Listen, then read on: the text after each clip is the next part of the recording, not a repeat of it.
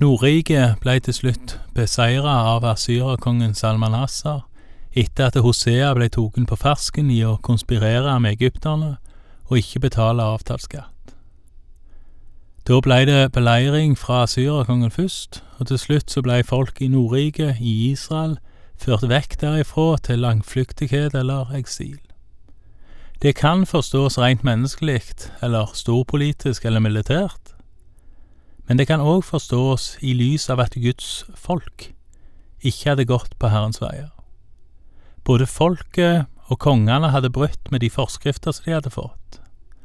Så når vi begynner å lese i andre kongebok kapittel 17 fra vers 7, så kommer forklaringa på hvorfor de gikk som de gikk, ut ifra at israelittene hadde brutt med Gud, og de hadde synda mot Han. Vi leser ifra vers 7. Slik gikk det fordi israelittene hadde syndet mot Herren sin Gud, Han som førte dem opp fra Egypt, og fridde dem fra egypterkongen faraos makt. De fryktet andre guder og fulgte skikkene hos de folkene som Herren hadde drevet ut for israelittene, og de gjorde som kongene deres hadde gjort. I det skjulte gjorde israelittene det som ikke var rett for Herren deres Gud. De bygde offerhauger i alle byene sine, både i dem med vakttårn og i befestede byer. De reiste steinstøtter og asjerastolper på hver høy haug og under hvert frodig tre. På alle disse haugene tente de offerild, slik som de folkeslagene Herren hadde drevet bort for dem. De gjorde også mye annet ondt som gjorde Herren rasende. De dyrket avguder, enda Herren hadde sagt til dem, det skal dere ikke gjøre. Her trekkes lingene helt tilbake til utgangen av Egypt, og det er i grunnen logisk nok, for det er ikke mange dagene etter at de hadde kommet ut ifra Egypt, før Moses var på Sinai-fjellet, og mens han var der, så bygde folket den første gullkalven og tilbe istedenfor Herren. Gjennomgangsmelodien gjennom forklaringen som vi nettopp leste, er at avgudsdyrkelsen var veldig utbredt. Det står faktisk at det på hver haug under hvert frodige tre var det avgudsdyrkelse, det sto i vers ti. Det betyr både at det er veldig utbredt, men det viser òg at det ikke var bare kongen eller kongene som dreiv med avgudsdyrkelse. Det var hele folket som vendte seg vekk ifra Herren ofte, og det begynte som kjent før de i det hele tatt fikk seg en konge. Det pågikk med andre ord over mange hundre år, og som vi skal lese, så blei folket, og òg kongene, kalt til omvendelse igjen og igjen. De blei kalt til å slutte med det som var ondt i hans øyne, og de blei kalt til å vende tilbake til tilbedelsen av Gud. Vi leser videre fra vers 13. Herren advarte Israel og Juda gjennom alle sine profeter og seere. Han sa, Vend om fra deres onde veier, hold mine bud og forskrifter i samsvar med hele den loven jeg påla deres fedre, og sendte dere gjennom mine tjenere profetene. Men de ville ikke høre. De var stivnakkede som sine fedre, de som ikke trodde på Herren sin Gud. De forkastet hans forskrifter og den pakten han hadde sluttet med deres fedre, og de advarslene han hadde gitt dem. De fulgte tomhet, og endte i tomhet. De gjorde som folkeslagene omkring dem, enda Herren hadde befalt dem, dere skal ikke gjøre som de. De forlot alle de budene som Herren deres Gud hadde gitt dem. De laget seg to støpte kalver og reiste en asjerastolpe. De bøyde seg og tilba hele himmelens hær og dyrket Baal. De lot sønnene og døtrene sine gå gjennom ilden, tok varsler og drev med spådomskunster. De solgte seg selv til å gjøre det som var ondt i Herrens øyne, og dermed gjorde de ham rasende. Her oppsummeres to ting på en gang. Både at Israel og Juda ble advart om igjen og om igjen gjennom alle sine profeter og seere, som det står i vers 13, men òg at de samtidig blei kalt til omvendelse om igjen og om igjen. Så står det òg at de, til tross for å bli kalt til omvendelse, valgte å fortsette med avgudsdyrkelsen. Det står vel òg at de gikk ganske vidt ut, eller bredt ut, og tilba det meste av det de blei eksponert for hos naboene. Det bygges på en måte opp til at Herren blir rasende, og så langt jeg kan forstå argumentasjonen her, så er det med god grunn. En rettferdig harme, kan en si, gitt og at en følger argumentasjonen ifra vers 7. Nå leser vi videre fra vers 18 om konsekvensene av det Israel og Juda hadde gjort.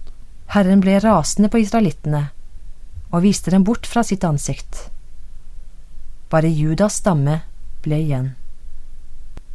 Men heller ikke Juda holdt de bud som Herren deres Gud hadde gitt.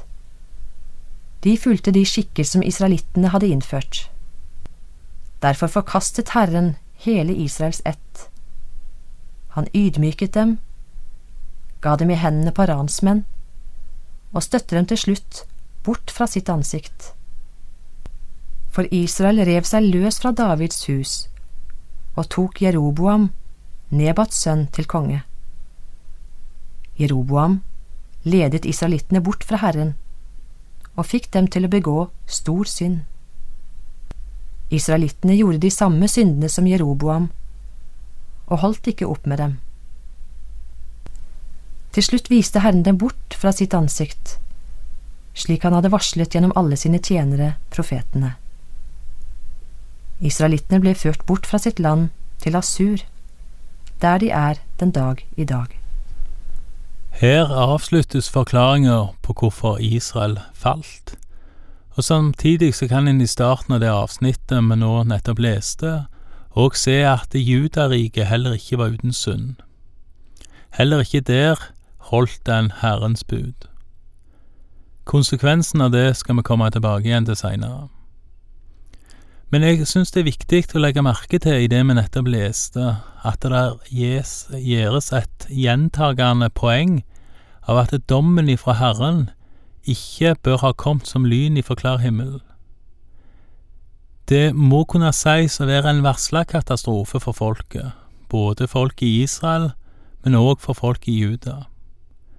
Det tegnes altså ikke et bilde av en bråsint Gud, men det tegnes et bilde av en hellig Gud som ikke tåler synd, men som likevel kaller om igjen og om igjen og om igjen til frelse. Før til slutt dagen der nådens time er forbi, den dagen kommer. Men den dagen må vel kunne regnes for å være ganske varsla i det som skjedde. Vi leser videre om hva asyrerkongen gjorde for å befeste landet han hadde tatt, og da leser vi fra vers 24. Asyrerkongen hentet folk fra Babel, Kuta, Ava, Hamat og Sefarvayim, og lot dem bosette seg i Samarias byer i stedet for israelittene. De overtok Samaria og slo seg ned i byene der. Den første tiden de bodde der, fryktet de ikke Herren. Derfor sendte Herren løver iblant dem, og løvene drepte mange av dem. Da var det noen som sa til asyrerkongen, De folkene du førte bort og lot bosette seg i Samarias byer, vet ikke hvordan landets gud skal dyrkes. Han har sendt løver inn blant dem, og løvene dreper dem fordi de ikke vet hvordan landets gud skal dyrkes. Da ga Asyrikongen denne ordren. Send tilbake en av de prestene dere har ført bort fra landet. La ham dra av sted og bosette seg der, og så skal han lære folket hvordan de skal dyrke landets gud. En av prestene som var bortført fra Samaria, kom da og bosatte seg i Betel. Han lærte folket hvordan de skulle frykte Herren. Likevel fortsatte hvert folkeslag med å lage seg sine egne guder, og de satte dem i helligdommene som innbyggerne i Samaria hadde reist på offerhaugene. Dette gjorde hvert folkeslag i byene hvor de bodde. Folket fra Babel, laget et bilde av Sukkot Benot. De fra Kut laget et bilde av Nergal. Og de fra Hamat laget et bilde av Ashima. Folket fra Ava laget bilder av Nibhas og Tartak. Og de fra Sefarvayim brente sine sønner i ilden for Adramelek og Anamelek, Sefarvayims guder. De fryktet nok Herren, men gjorde også noen av sine egne til prester på offerhaugene, og de ofret for folket i helligdommene der. De fryktet Herren, men dyrket sine egne guder på samme måte som folkeslagene de var bortført fra. Den dag i dag følger de sine opprinnelige skikker. De frykter ikke Herren og følger ikke de forskriftene og reglene, den loven og det budet Herren påla etterkommerne av Jakob, som han ga navnet Israel.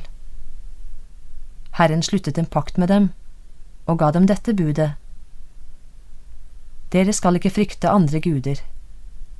Ikke bøye dere og tilbe dem, og ikke dyrke dem eller ofre til dem. Men Herren som førte dere opp fra Egypt, med stor styrke og med utstrakt arm, han skal dere frykte. Ham skal dere bøye dere for å tilbe, og til ham skal dere ofre. De forskriftene og reglene, den loven og det budet han skrev opp for dere, skal dere alltid legge vind på å følge, og dere må ikke frykte andre guder. Glem ikke den pakten jeg sluttet med dere, og frykt ikke andre guder. Bare Herren deres Gud skal dere frykte, så vil Han fri dere fra fiendehånd. Men de ville ikke høre. De fortsatte å følge sine opprinnelige skikker.